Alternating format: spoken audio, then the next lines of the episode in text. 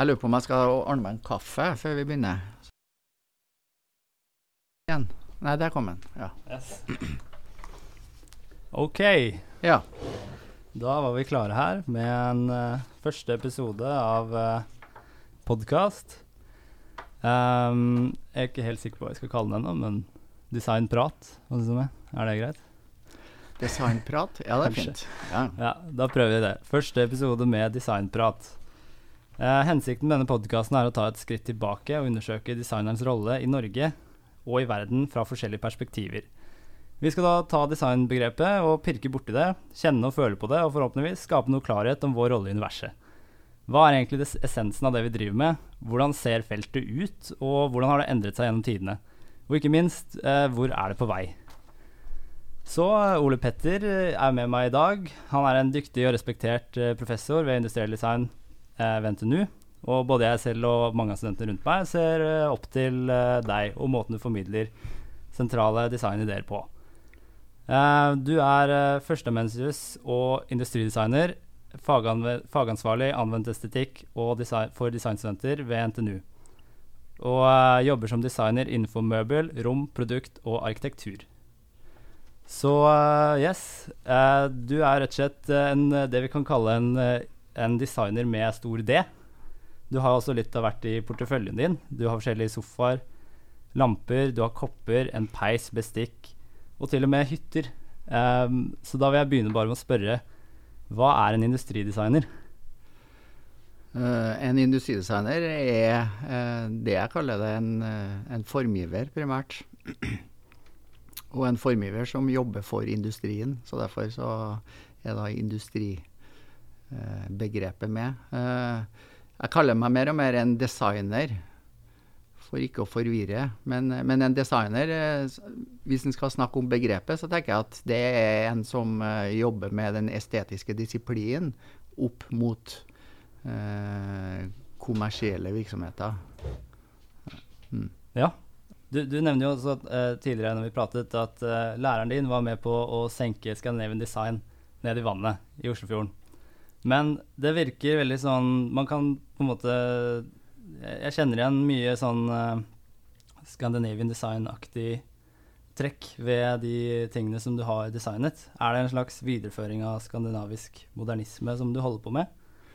Ja, du, jeg, du kan jo si at jeg er jo et sånn resultat av min generasjon. Da. Og øh, jeg kan si at generasjonen før meg, altså dem som var lærerne mine, på en måte, dem, dem var jo dem som senka Scandinavian Design eh, ut i Oslofjorden. For de var da møkka lei av på en måte det eh, Både det medias fokus på Scandinavian Design, og egentlig det fokuset på ja, du kan si en sånn ensretta estetisk fokus som designfaget hadde på 50- og 60-tallet.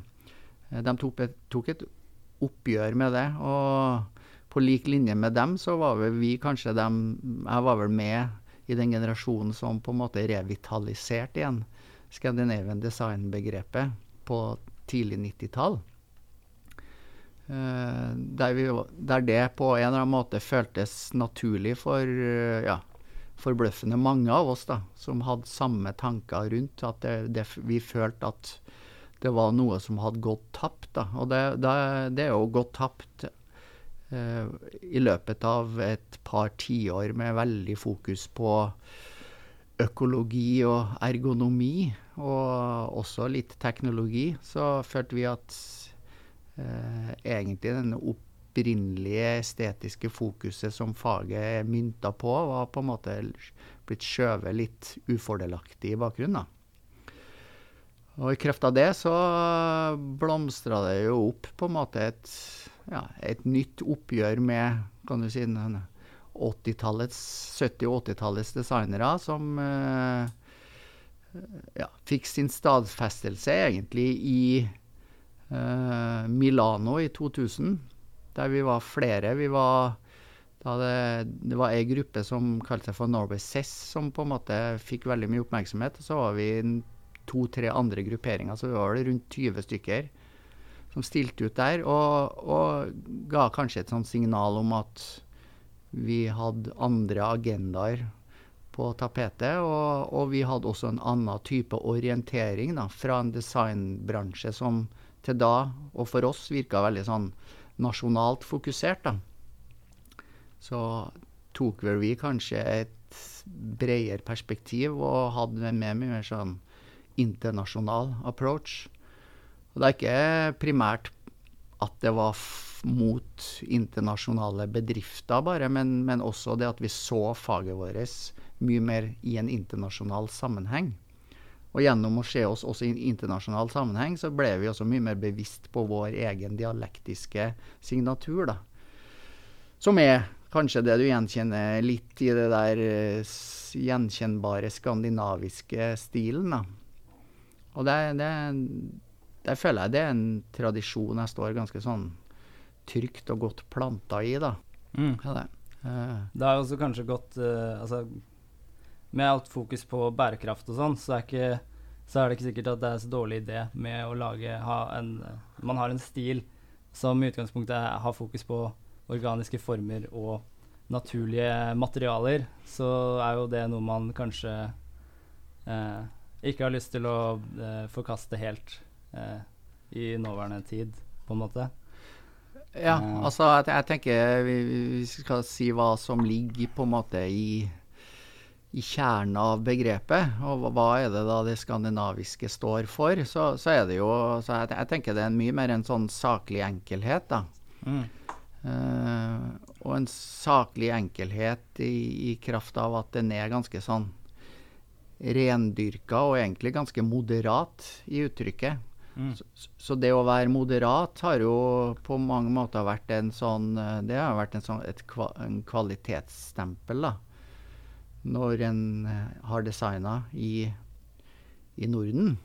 Som en f.eks. skal ikke dra Hvis en drar til Nederland, da.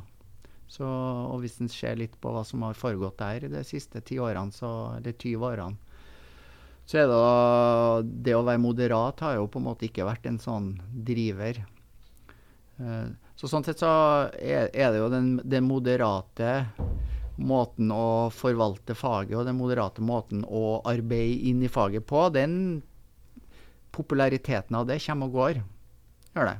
Men du kan si det som skjedde Min opplevelse av å være nyutdanna tidlig på 90-tallet og det å begynne å agere som designer på midten av 90-tallet og utover, var jo også en økende sånn allmenne interessen for faget. Når jeg starta å studere i 89, så var det jo verken ingen som hadde hørt om industridesign, og det var ingen som var egentlig veldig interessert i design heller. Mm -hmm. uh, I dag så er det jo på en måte blitt en sånn en allmenn faktor som folk er både bevisst interessert, eller i hvert fall har kunnskap om. da. Ja, mm. er det, ja fordi det er jo antagelig da ganske mye forskjell det er jo en stor forskjell på hvordan det var å studere før, uh, og hvordan det er å studere faget nå. Ja, at folk har hørt om det, f.eks. Men uh, når du studerte industridesign på SHKS, uh, eh, hva er de største forskjellene på sånn dere studerte der, og sånn vi studerer her? Og hva er det som er likt? Ja, altså Største forskjellene på uh, industridesignfaget, sånn som det ble lært bort den gangen, var jo at var, det var jo en sånn prof, ren profesjonsutdanning.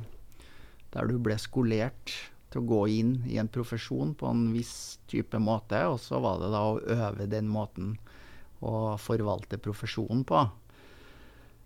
Eh, I dag så har jo det faget her, som alle andre fag, har jo blitt på en måte metta med veldig mye andre ko type komponenter. Da. Så det er jo et mye, mye mer komplekst eh, utdanningsløp som, mm. som, dere går igjennom, enn det som vi gikk igjennom.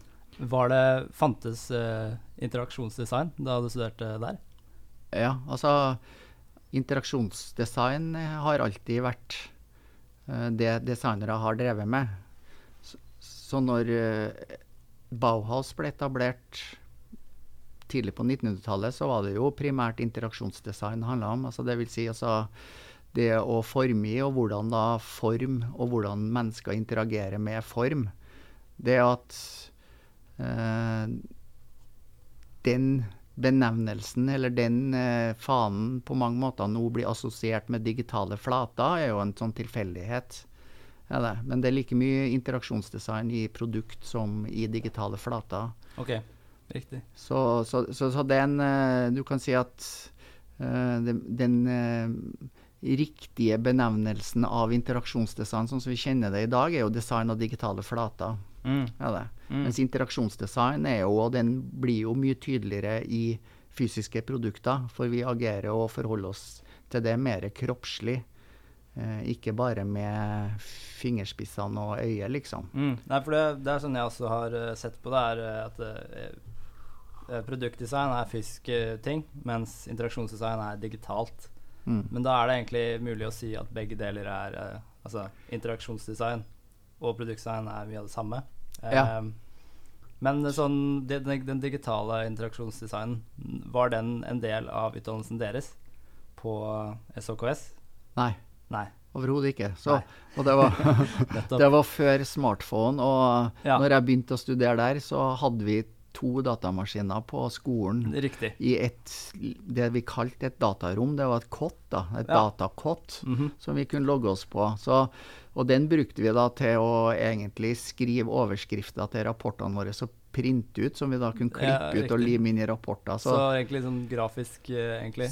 ja, så, så du Um, kan si at den, den digitaliseringa kommer jo senere, og faget har jo på mange måter tilpassa seg den digitale virkeligheten Mm. Gjennom da eh, eh, interaksjonsdesign. Mhm. Og du kan si at det som har gjort, og det som tidlig ble også veldig sånn synlig, var jo at ofte så var industridesignere og produktdesignere da, eh, veldig godt egnet til å gå løs på interaksjonsdesignoppgaver. Selv om de hadde en, eh, en på en måte en, eh, i utgangspunktet noe du kunne tro en sånn todimensjonal problemstilling ved seg, så, så løste ofte da industridesigneren den oppgaven bedre. Og det handler nå om det digitale formatet, da, som ikke er frosent, men at det er på en måte noe som er kontinuerlig i bevegelse.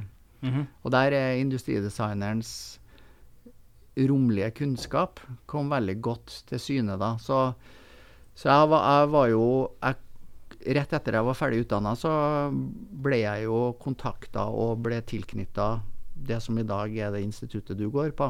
Mm. Og eh, vi var jo med å egentlig begynne å utdanne det som i dag er en, en sånn markant generasjon da, i interaksjonsdesign i Norge. Så jeg har jo, har jo siden, eh, siden utdannelsen min også vært med å nesten utdanne en sånn hel generasjon med designere som virker i Norge i dag. Da. Og veldig mange av dem jobber innafor interaksjonsdesign. Mm. Men de gjør det med en kunnskapsbase som er basert på den eh, kroppslige og romlige forståelsen. Mm. Og ikke på den grafiske todimensjonale forståelsen som grafiske designere er skolert på. da. Mm. Ja, så det er kanskje en viktig eh, forskjell i at vi eh, Altså måten å lære design thinking på er fortsatt den samme. Vi vil gå fortsatt gjennom de samme liksom, liksom Bauhaus-prinsippene, hvor du ser på eh, fysiske objekter, og så tar du den tankegangen over i det digitale. Ja. Mm. Så jeg, jeg, jeg pleier å si at altså, det, er ikke, det er jo ikke designfaget som har endra seg, men det er jo verden rundt. Mm. Men en, en designfaget som vesen har som, som natur har det at det tilpasser seg omgivelsene.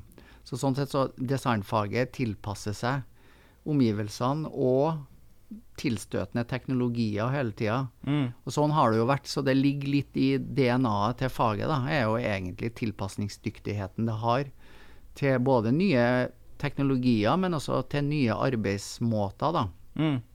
Og der kan du si at det som har det som kjennetegner det siste tiåret i faget, og spesielt til, i industrien som vi utøver faget i, da, er jo den digitaliseringa. Altså, industrien har blitt digitalisert de Mhm. ti siste årene nå. Mm. Og sånn sett så har også arbeidsmåten vår og eh, på en måte redskapene våre også endra seg i takt med det, da. Mm. Mm. Men uh, skal vi se For da har vi snakket om eh, både produkt og interaksjonsdesign. Eh, hva syns du om tjenestedesign. Kan du prøve å definere tjenestedesign for, meg? For det, er noe vi ofte definerer og jobber med og prøver å forstå oss på. Altså Tjenestedesign det ligger jo i ordet. da. Det, det, det, er da selve tjenesten som er på en måte objektet for designkompetansen. Er det. Og, og der er det også et eksempel da, der det viser seg at da den måten da designere er skolert å tenke på, er også anvendbar på det området. da.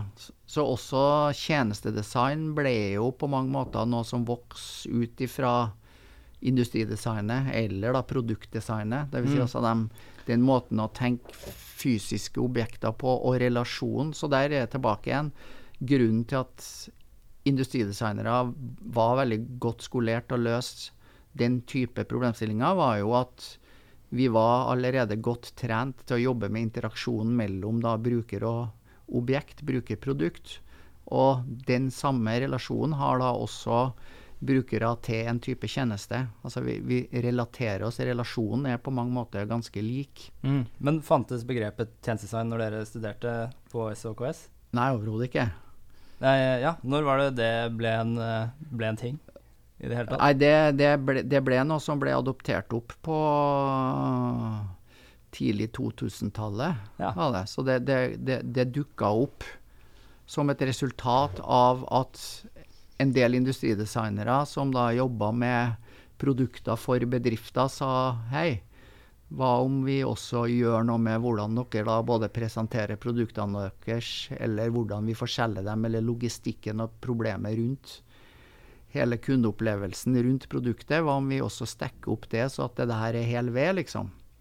Og det var gjennom det at uh, de oppdaga at ja, det går an å tenke også på hele bedriften som et produkt, og egentlig gi kunden den samme opplevelsen gjennom hele kundereisen. Og da kan ja. du si at det som er og Simon Clatworthy på Arkitekthøgskolen i Oslo var jo en av initiativtakerne til å befeste det her både som eh, begrep, men også som fag. da.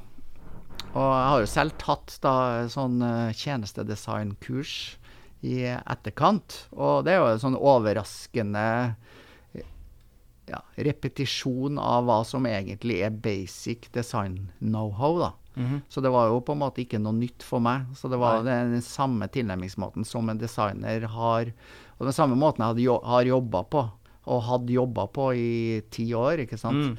Så, men det som var interessant, var altså det Simon Clapworthy sa da den, når jeg tok det kurset også, var jo den største bommerten han hadde gjort med å introdusere faget på den måten han hadde gjort, var jo at han hadde utelatt den estetiske komponenten. Og bare, beholdt, bare på en måte fokusert på metodikken. da. Mm. Så det betyr at tjenestedesign kan og bør utøves av designere. Men sånn som det er i dag, så er det jo tjenestedesign utøves også av veldig mange andre Akkurat. yrkesdisipliner. Og okay. på Handelshøyskolen i Oslo så har de jo nå i år okay. starta opp et masterkurs i tjenestedesign. Og jeg mener at tjenestedesign utøvd av uh, markedsøkonomer er noe annet mm. enn tjenestedesign utøvd, utøvd av designere. Mm. Så det er da svakheten med å begynne å bruke designbegrepet så, og sånn uh, kritikkløst som det gjøres i dag, da. Mm, mm. Så du har design for behavior, og du har design for ditt, og du har design du har, for datt. Eh, når jeg går på gata, så ser jeg at det heter ikke frisør lenger, det er ofte hårdesign jeg snakker om. Mm. så det er egentlig et spørsmål jeg hadde tenkt å stille. Sånn, eh, hva, hva syns vi om at uh, designbegrepet er såpass på en måte mot, Det blir et sånt moteord som folk ønsker å kaste, slenge på. Og selv om det ikke nødvendigvis altså, Ting som uh, ikke man egentlig Ikke vi ville anerkjent som design, eh, blir kalt design, eller kaller seg selv design. Er det et, Risikerer vi en slags utvanning av begrepet design, eller er det Ja, altså begrepet er jo totalt utvanna, og det har ja. jo på en måte det har jo, det har jo skjedd også i utdanninga.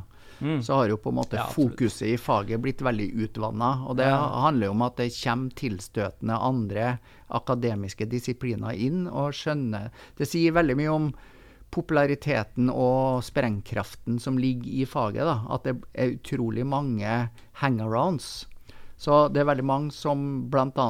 på den digitale sida, så har flestene skjønt at det å programmere er jo egentlig ikke den største utfordringa i å lage digitale flater. Det er jo selve interaksjonen og hvordan på en måte brukeren greier å håndtere og forstår bruken av de digitale flatene, som er, som er på en måte både utfordringa, men også den, det som markerer kvalitetsopplevelsen av det. Mm. Og der, der kan du si at der har jo de vært ganske raskt ut med interaksjonsdesign og prøve også på en måte tilegne seg eh, designlabler, da. For å si noe om at hei, vi jobber også på den måten. Mm. Så, så jeg tenker det, det, det i utgangspunktet så er det, det er to måter å forholde seg til det her på. Det ene er jo da at en kan da fullstendig gi opp. Som bl.a. vi ser veldig godt i Sverige nå. Ja. Eh, når jeg er i Sverige, så sier de at du er ikke designer, du er formgiver. Så de Oi. skiller veldig på det. Så de sier at du jobber jo Du er jo ikke designer, du er jo formgiver. Du lager jo ting. Ok. Så, så det er en måte å tenke på det. Det er jo å forlate labelen Mm. Ja, totalt. at det blir en sånn annen det blir, Du lar det bli et buzzword, og Ja. at man går, trekker seg tilbake til uh, Ja. Men er det er, liksom, hør, Hva er alternativet, da? Blir det å skaffe et nytt begrep, eller blir det å beskytte, beskytte designbegrepet litt mer, eller eh? Jeg er jo en tilhenger av å gjøre det motsatte. Altså, jeg mener jo at vi må hegne om designbegrepet. Og sånn sett så er jeg jo en sånn representant både sånn i yrkessammenheng, men spesielt i utdanningssammenheng her nå, så er jeg jo en eh, tilhenger av å spesifisere og være tydelig på hva som er kjernen da, i designfaget. Og hva består kjernen av designfaget av? Eh, ved å være veldig tydelig på det, så vil de fleste også bli ganske sånn eh, opplyst om hva som egentlig er perifert. da. Ja, og hva er eh, kjernen i designfaget? Nei, altså, jeg, jeg har jo Jeg har jo lært faget å kjenne igjennom egentlig å samarbeide med andre fag. Og, og sånn fungerer det jo. Altså, du lærer deg selv å kjenne bedre gjennom å bli kjent med andre også. Så, og, og det jeg sitter igjen da med etter alle årene som, som både mm, i, Jeg har over 20 års erfaring i å undervise, men også som praktiserende designer. Så altså, Kjernen i faget mitt er jo det at det, det vi gjør, det vi driver med estetisk organisering av en praktisk virkelighet. Ja. Og det er så enkelt og så vanskelig er det. Mhm. Og i det så ligger det det at vi kultiverer teknologi sånn at det blir og det utarter seg og blir da nedfelt i form. Mm.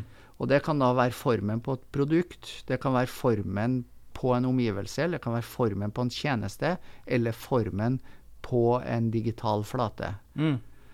Så det blir på en måte Jeg tenker um, med en gang da på sånn den type tankegangen som design thinking går ut på. Det blir jo mye det vi holder på med i f.eks. estetikk, hvor vi driver med Vi praktiserer hermenautikk.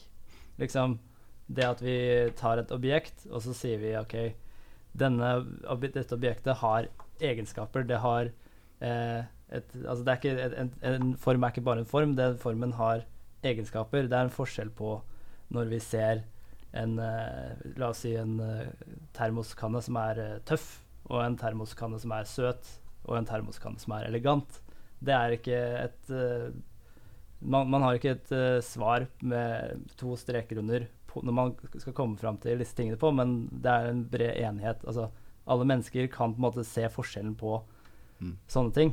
Men uh, er det det, ligger det på en måte også nærme kjernen av det Ja. vi gjør? Ja, altså det, det- designfaget innehar da, som DNA, er jo en sånn erkjennelse av både det rasjonelle, men også det irrasjonelle i menneskets måte å både forstå, lese og fortolke da, omgivelsene sine. Mm. Og designere har alltid jobba med også den der irrasjonelle komponenten. som en viktig del av brukeropplevelsen. Så det betyr at eh, designfaget innehar jo en del andre kulturelle komponenter, som f.eks. det tradisjonelle ingeniørfaget ikke inneholder. Der objektivitet og faglig distanse er en kvalitet. Så sier vi jo at det motsatte er jo ofte gjeldende til oss. Og subjektets påvirkning og egentlig en sånn eh, faglig, emosjonell nærhet til det vi driver på med, er en kvalitet. da. Så det har med attituden jeg, jeg, sier jo når jeg Som jeg sier, jeg har jo, jeg har jo designa like mange kandidater gjennom da studiet her som jeg har designa produkter. Det er noen, noen, noen, hundre på begge pottene der. Okay. Og som jeg sier, det, det jeg jobber med, er jo altså det er jo kompetansen deres som er på en måte min arbeidsoppgave. Og den er da, det, det er kunnskap, det er erfaring, og det er personlighet. Kunnskapen den kan da enten fås gjennom teori, eller så kan den få gjennom at dere studerer fenomenet design på ulike måter. F.eks. at dere snakker med meg som også utøver faget, eller at dere ser eller leser om andre som utfører faget. Uh, kun, uh, ja, Erfaringer får dere jo gjennom at det er prosjektbasert. Altså Undervisninga er jo ofte prosjektbasert, så dere får erfaring med faktisk hvordan det her skal gjøres. da. Hvordan gjøres det praktisk? Hvordan omsetter vi på en måte kunnskapen inn i det her?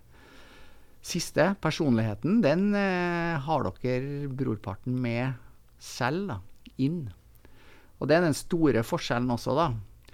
Og den viktigste forskjellen er jo at det som skiller ofte en designer og designfaget fra f.eks. ingeniøren og ingeniørfaget, er jo ofte at det er ulike typer personligheter som søker seg til de ulike fagene. Ja, og da kan du si veldig mye av de eh, kjennetegnene som er hos personer som søker seg til designfaget, er jo bl.a. en sånn et ønske eller en åpenhet mot det å f.eks. være skapende og kreativ. Da. Ja, det. det er nysgjerrighet, og så er det sensibiliteten. Altså det å ha en sånn slags sensibilitet både overfor brukere, men også overfor sånn kulturelle fenomener. Det er en sånn sammenlignbar enhet, da. Ja, det. Mm. Og den er jo det vi kan gjøre med det, er jo bare egentlig å appellere og underbygge og få den sida ved dere til å vokse godt da, i løpet av de fem årene dere er inn til oss. Men det er den viktigste, og det er en vesentlig forskjell. Da. Det er derfor jeg sier at design thinking er jo egentlig et hjelpeløst uh, begrep. For at design thinking er en sånn slags måte å forstå og instrumentelt beskrive hvordan en designer tenker og ser verden. da. Men den er jo egentlig kun bare interessant for designerne, og ikke for andre, for de vil uansett tenke og se verden på en annen måte. Ja, så, så, sånn sett så er det jo veldig mange, ve veldig mange sånn tilstøtende fagdisipliner som prøver å adoptere opp både metodikken, men også tankemåten som designere har. Mm. De mister jo en sånn vesentlig bit, en vesentlig komponent da, på veien. Så det de gjør, vil jo ofte Altså, det de gjør, vil være farga av det faget de utøver det i. Så en markedsøkonom vil jo levere en, en markedsøkonomisk leveranse, men den vil være basert, eller kun være basert på inspirasjon fra design thinking. Mm. Skjønner. Um, men uh, ikke sant? Det, det, at vi har et fag hvor vi, vi øver uh, Vi øver oss på å og te tenke på denne måten som er annerledes enn ingeniører. Eh, da oppstår det på en måte et problem eh, i form av at eh, du kan enkelt se hvem som er den beste ingeniøren ved å se hvem som, de, hvem som er best i matte, f.eks. Hvem som har de beste karakterene, hvem som er de beste folka til å eh, drive med ingeniørfag. Det er lettere å måle det enn å måle eh, en god designer, spør du meg. Eller i hvert fall eh, ved første øyekast, da. Så da har jeg et spørsmål her som jeg lurer på, som jeg er litt nysgjerrig på. Sånn eh, Fordi det er jo, en, det er jo eh, vi, vi, blir jo lært opp til at eh, det er eh, godt design. Det kan, det kan man se eh, i etterkant av uh, at produktet er blitt produsert og brukt, så kan vi se at hvis en, en ikonisk stol den blir ikonisk av at den blir brukt i 20 år etter at man har designet den. Um, eller en ikonisk kaffekanne. Den, det kan man anerkjenne. Det, det, er ikke noe tvil om at det er godt design hvis den blir produsert Hvis den ble laget for 20 år siden og den fortsatt er i bruk.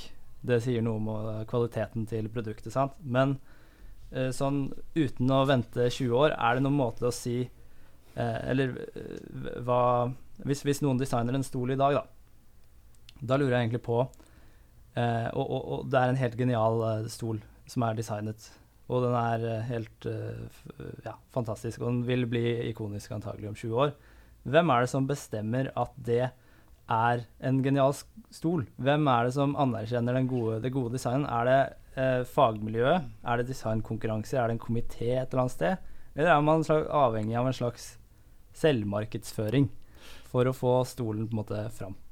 Ja, det, det er litt begge deler, da. Men så, så, hvem er det som sitter på definisjonsmakta?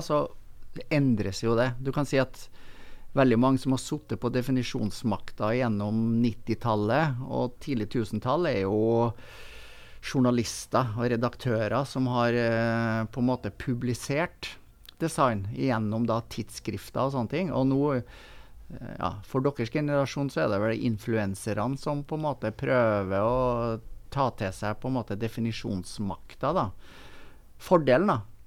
Og når, jeg sier, når vi snakker om det, jeg liker å snakke om uh, design som form, da. For det, form definerer da resultatet av det designprosessen gir.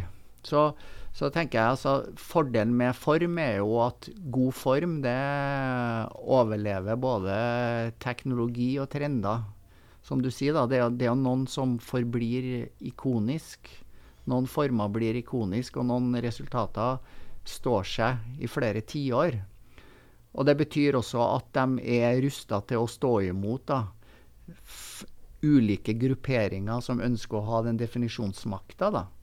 Uh, du har også designhistorikere og designforskere som også ønsker på en måte å ha en sånn slags definisjonsmakt i det hele. da. Men hvis vi, hvis vi tenker da litt sånn uh, generelt på det, så det som er interessant med designfaget, som skiller designfaget fra andre kulturelle uttrykk, som f.eks. film og musikk og sånne ting, så er det jo det type fag som har blitt vanskelig å fange opp av f.eks. journalister som ønsker å gi kritikker på produkter. Altså det gis jo litt på bil og sånne ting, men det er veldig f.eks. på møbel og ja, også litt på klær, men også andre sånn nyttegjenstander. Da, så har, det, har gjort, det, har blitt gjort ganske mange forsøk. Da. Mm. Men der, der, det viser seg at design ligger så tett opp til på en måte brukere og og brukskonteksten at ting blir adoptert opp uavhengig av hva folk må mene eller ikke mene om det. Mm. Så, og, og det, det, sier noe om på en måte utbredelsen av faget, da. Jeg pleier å si til dere, for å prøve å motivere dere, at det er, jo, det er jo ingen fag som kan vise til en sånn ekstrem utbredelse som designfaget. Det er ingen, det, det er ingen fag som rører og berører så mye som designfaget gjør daglig. Vi omgir oss med produkter og gjenstander og redskaper som er designa. Og de er med å hjelpe oss å gjøre hverdagen bedre for veldig mange av oss. er det. Så, så, så det fascinasjonen i faget ligger jo i, også i utbredelsen av faget. Det er jo, det er jo øh, ofte da forbundet med produksjon, og også masseproduksjon. Så sånn sett så er det jo det er også en sånn, et demokratisk uttrykk som på en måte berører veldig mange, og vedgår veldig mange. da. Og i, i, kraft av det så blir det veldig vanskelig å holde på en sånn slags definisjonsmakt. da. Mm. Ja. Men da er det kanskje litt styrt av uh, journalistene. Problemet er at journalistene ikke nødvendigvis uh, um, er, har fokus på designere. Eller jeg, jeg mener for sånn Det er lett å se hvem som er rockestjerner i f.eks. Uh, ja, musikk i, i, Norge, men jeg, jeg, føler at det finnes på en måte eh, Det finnes selvfølgelig designrockestjerner i Norge også. For vi er ikke dårlige på design internasjonalt heller. Og, men jeg, jeg bare eh, jeg sliter litt med å, få meg oversikt på hvem disse folka er. Selv om vi er, vi er ganske flinke på, på design, så er det et problem med man, man hører jo om de historiske folka, men hvem er det som er store i dag? Og hvordan er det man hører om de? Dem som, dem som er store i dag, er jo på mange måter dem lik dem som var store for 10, 20, 30, 40, 50, 60 år siden. Det som kjennetegner da eh, veldig mange av eh, Kan du si de designerne som står igjen, da, og som har på en måte lagd eh, gjenstander som eh, tåler tidens tann. Er man da avhengig av rett og slett å vente i, til uh, Altså, er det da en sånn slags uh, ventetid på å bli rockestjerne innenfor design, fordi du må se om de produktene du har lagd, faktisk da holder tidens tann, og så er det liksom anerkjent at Da er det bevist at det, disse si, Hvis vi snakker om produkter, da, at disse produktene er på en måte ikoniske, eller Ja. eh, Nei, det jeg skulle si da, er jo, er jo at det som kjennetegner dem, og det som antageligvis kjennetegner dem som er utøvere i dag, er jo nå tilbake den siste komponenten da, i kompetansen vår, altså personligheten. Den er ganske lik. De som faktisk utøver vel faget vårt i dag veldig godt, de ligner litt på dem som utøvde faget vårt for 30-40 år siden. Og det har noe med Det har noe med en Og det adresserer jeg også Det adresserer jeg også til til på en måte den skandinaviske signaturen da, i faget. Så den dialektiske biten som er veldig spesielt for oss oppi her, så er det jo den beskjedenheten, tilbaketrukkenheten og den introverte fremtoninga som veldig mange av designerne har som er annerledes enn Og som er kanskje forklaringa på hvorfor det er så få rockestjerner her. mm, I motsetning til arkitekturfaget, da. Ja. Som, eh, der har du da på, det er et søskenfag som er veldig likt, men der har du flere da storkjefta aktører, som vi sier. Ganske Mhm. enkelt. Eh, Mm. men, men det handler om at for å være sensitiv, og for å kunne være en god nok betrakter, så kan du ikke selv stå i spotlighten, liksom. Mm. Så, så det, det er litt av forklaringa på hvorfor design thinking fungerer så ekstremt godt også. Det er for at den er ofte utøvd av egentlig ganske tilbaketrukne personer eller personligheter Mm. som ikke er gode til å stå i scenelyset selv, men som er ekstremt gode observatører. Så, så faget vårt består jo av observatører. Vi er da som, og der er vi mye mer lik forfatteren. Også veldig, veldig mange forfattere er jo egentlig ganske beskjedne og ganske tilbaketrukket i forhold til verkene sine, altså bøkene. Og sånn er det med design også. Veldig mange designere er ikke interessert i å stå i søkelyset selv, men de vil gjerne at produktene skal gjøre, være ambassadøren da, for, eh, for skaperkraften sin. Mm. Og sånn sett så henger det der sammen, da, for å kunne være en så god observatør og ha en så god sensitivitet da, i forhold til konteksten objektene dine skal inn i, så må du egentlig også være villig til å holde kjeft og holde deg litt i bakgrunnen. Mm -hmm.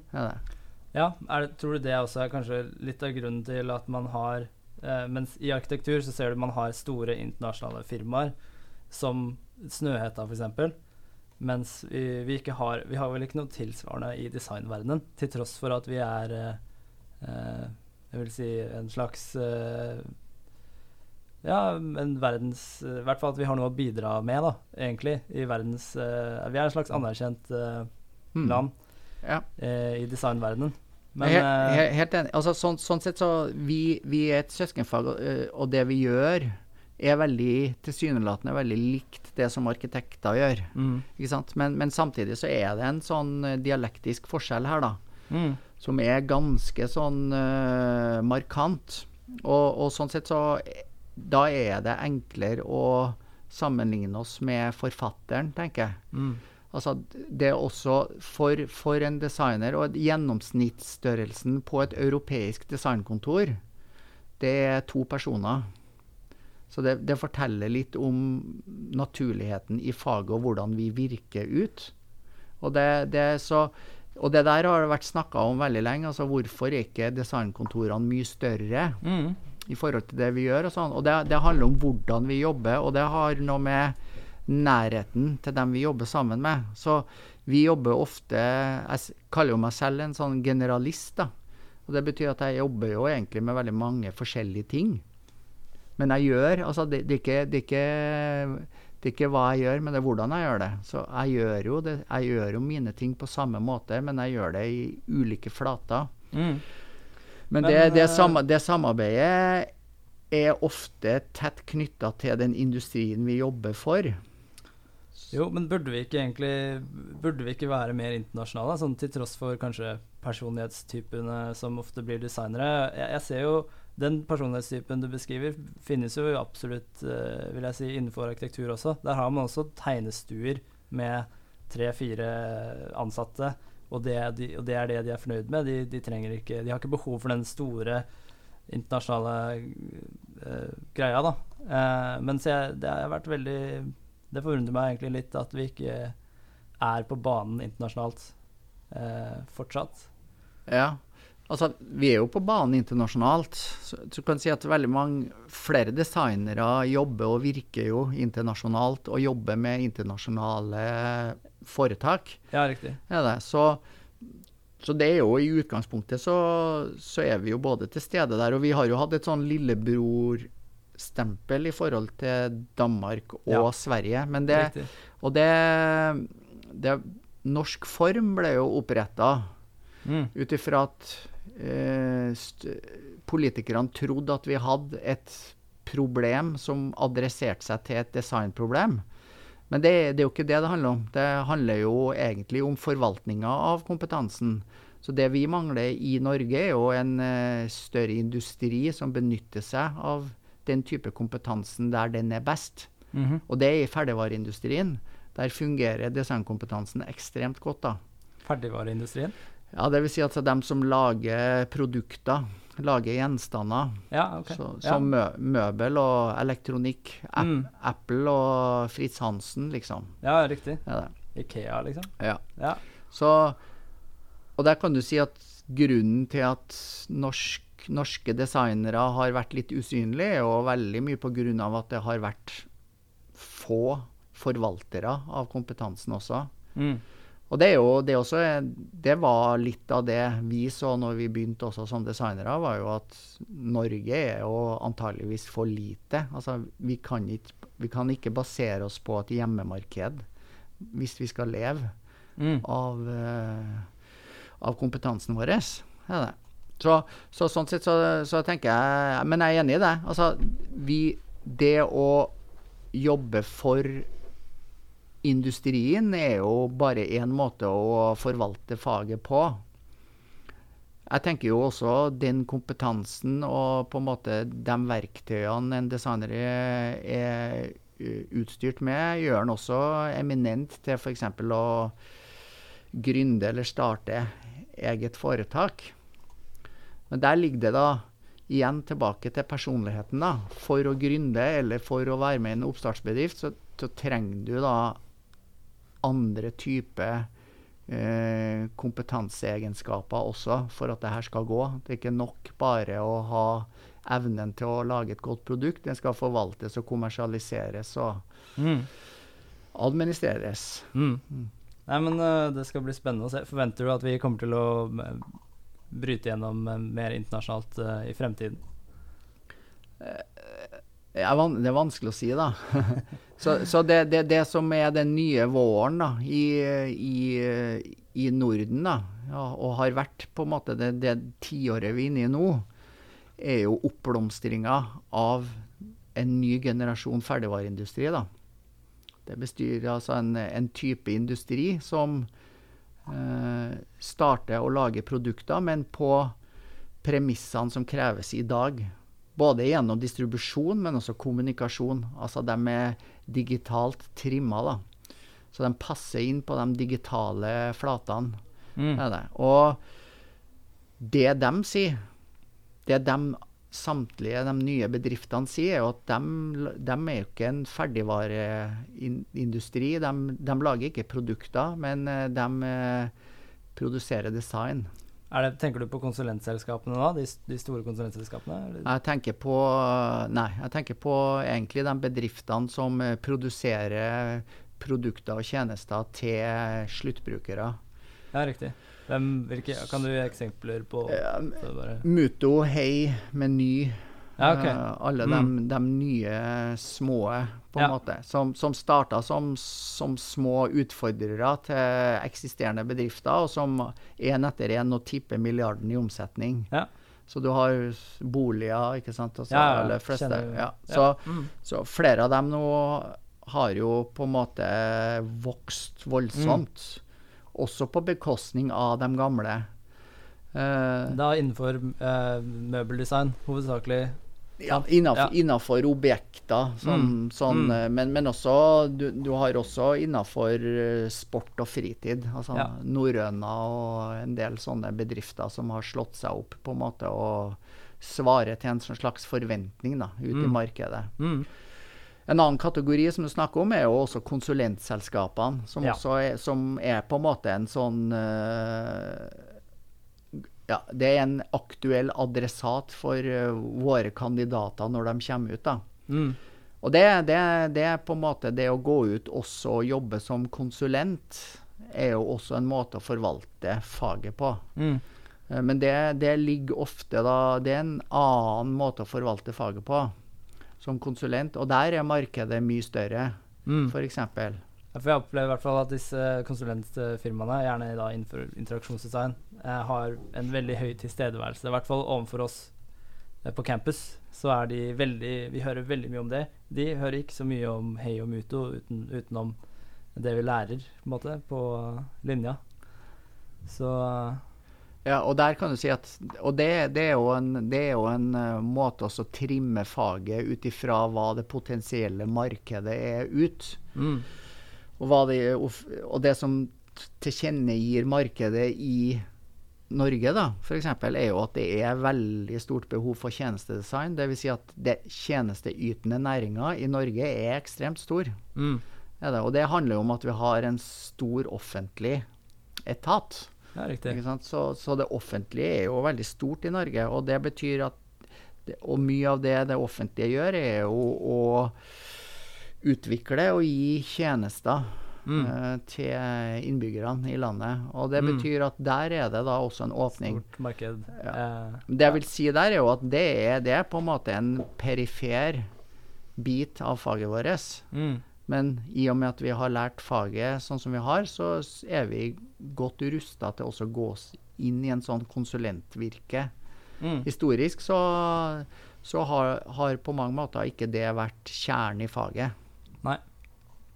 Kjernen i faget har vært hele tida å frembringe konkrete resultater.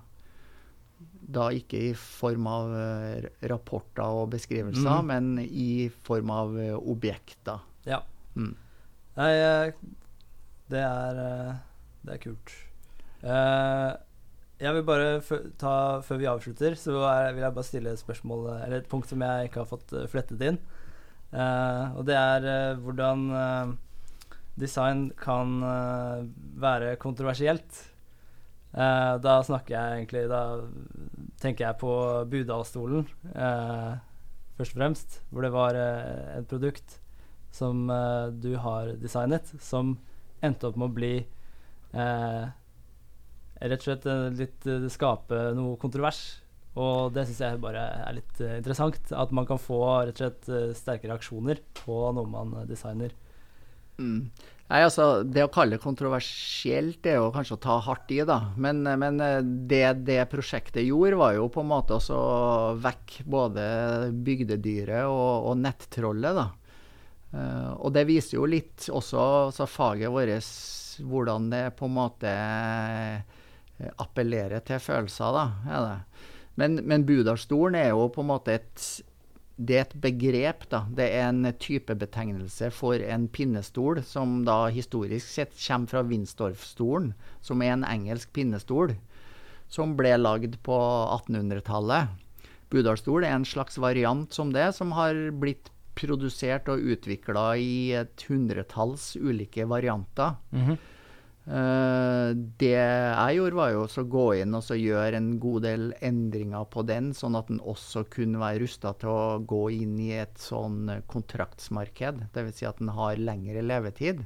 Den har en materialitet som er mye mer robust til å kunne tåle mer robust bruk.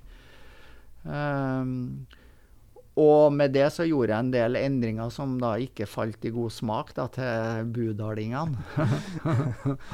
Men, men, eh, du kan si at veldig mye av den kritikken og mye av det bråket beror jo på misforståelser og egentlig antagelser om at det bl.a. finnes en original budalstol. Det gjør det jo ikke.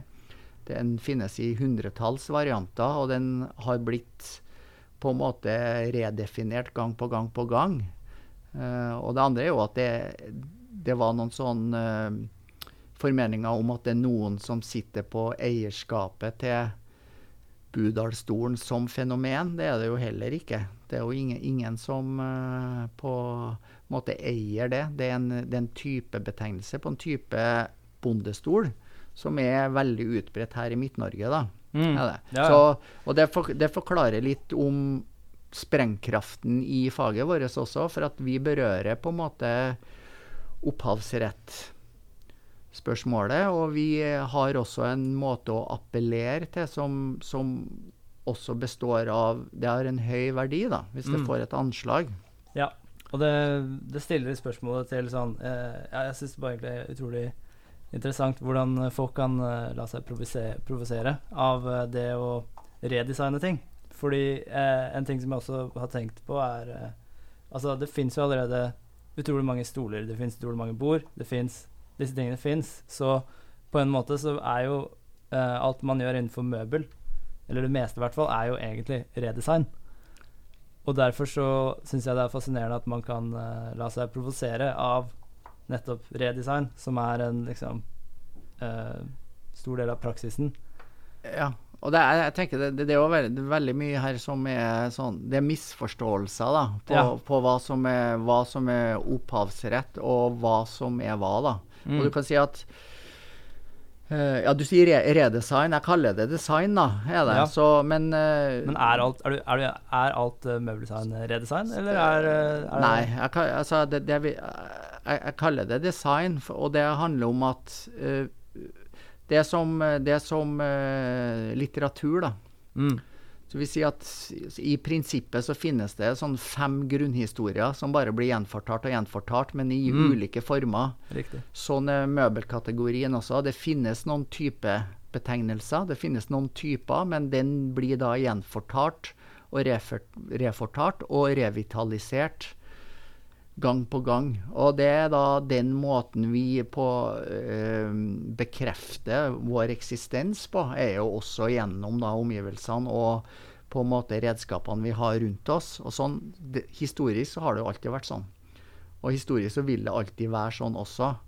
Du kan si at pop, den gode, enkle poplåta, den, den, den har nok blitt funnet opp. Men, det, ja. så, men det forhindrer oss ikke å prøve på nytt og på nytt og på nytt.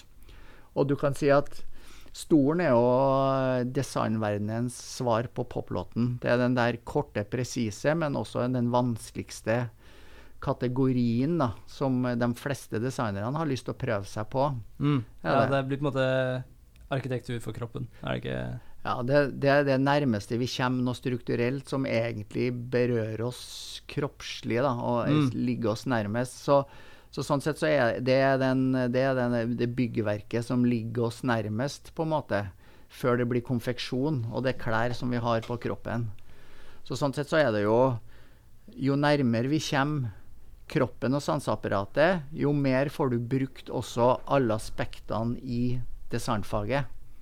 Vil si at vi sanser det ikke bare med øynene, det visuelle, men vi også gjennom det taktile og det kroppslige. Og det er da, det er da design kompetansen begynner å skille seg ut ifra mange tilstøtende andre kompetanser. da, det. Så det er den komplekse, estetiske sammenhengen. Det er jo den vi prøver å håndtere. Så sånn sett så har jeg, har jo jobba med også produkter som ikke skal være i kontakt med mennesker, eller ikke sees av mennesker. Og da er kompetansen vår ganske svak. da. Mm, Vi har, ja, veldig lite å, vi har veldig lite å, å spille på. Det blir på en måte mer for maskiningeniører. Back-end-programmerere, kanskje. Ja, så, Mm. mm. Men eh, ja, for det blir jo en kombinasjon av teknologi og psykologi. Mye av det vi holder på med. Ja. For å sitere Don Norman. Mm. Mm. Ehm, nei, men uh, kult. Veldig bra. Ehm, nå ser jeg vi har eh, holdt på en liten stund, så jeg tror jeg vi skal tenke på å begynne å avslutte litt. Eh, men før vi gjør det, så lurer jeg på om du har en eh, oppfordring til hele landets designstudenter. Ja, det har jeg. Har mange, har mange, har mange oppfordringer. Hvis du skal velge én. Jeg tenker sånn eh, Jeg tenker eh, Det å være tro mot faget sitt handler også om å forstå faget og, og kjernen i faget. Og det å skape en eh, stolthet for faget, det handler veldig mye om å forstå historien til faget, da. Så jeg tenker det å kunne forvalte og gå inn i faget her på en god måte, og forvalte og ta stafettpinnen videre, da. Det kan en gjøre bare ved å kjenne historien og opprinnelsen til faget sitt. Ja. Så, så jeg tenker sånn en, en fascinasjon og en sånn stolthet av den tradisjonen eh, alle designere er del av, og alle sånn designstudenter skal gå inn og bli en del av. Det tenker jeg det er en sånn Det er den ubestridte ryggraden og beviset da, på faget. Og jeg tenker der, der jeg føler på en måte at faget blir urettferdig omtalt, eller faget blir på en måte urettferdig forvalta, eh, der er det ofte da denne mangelen på kompetanse til historien til faget som, eh, som kommer til kjenne. da. Er det. Så jeg tenker sånn La Vær representant for sin samtid, men uh, kjenn historien. Kjenn hva, hvilke skuldre en står på. Ja. Så, så unngår vi på en måte veldig mye Unngår vi å miste faget av syne. Som veldig mange ser ut til at de er på vei til å gjøre.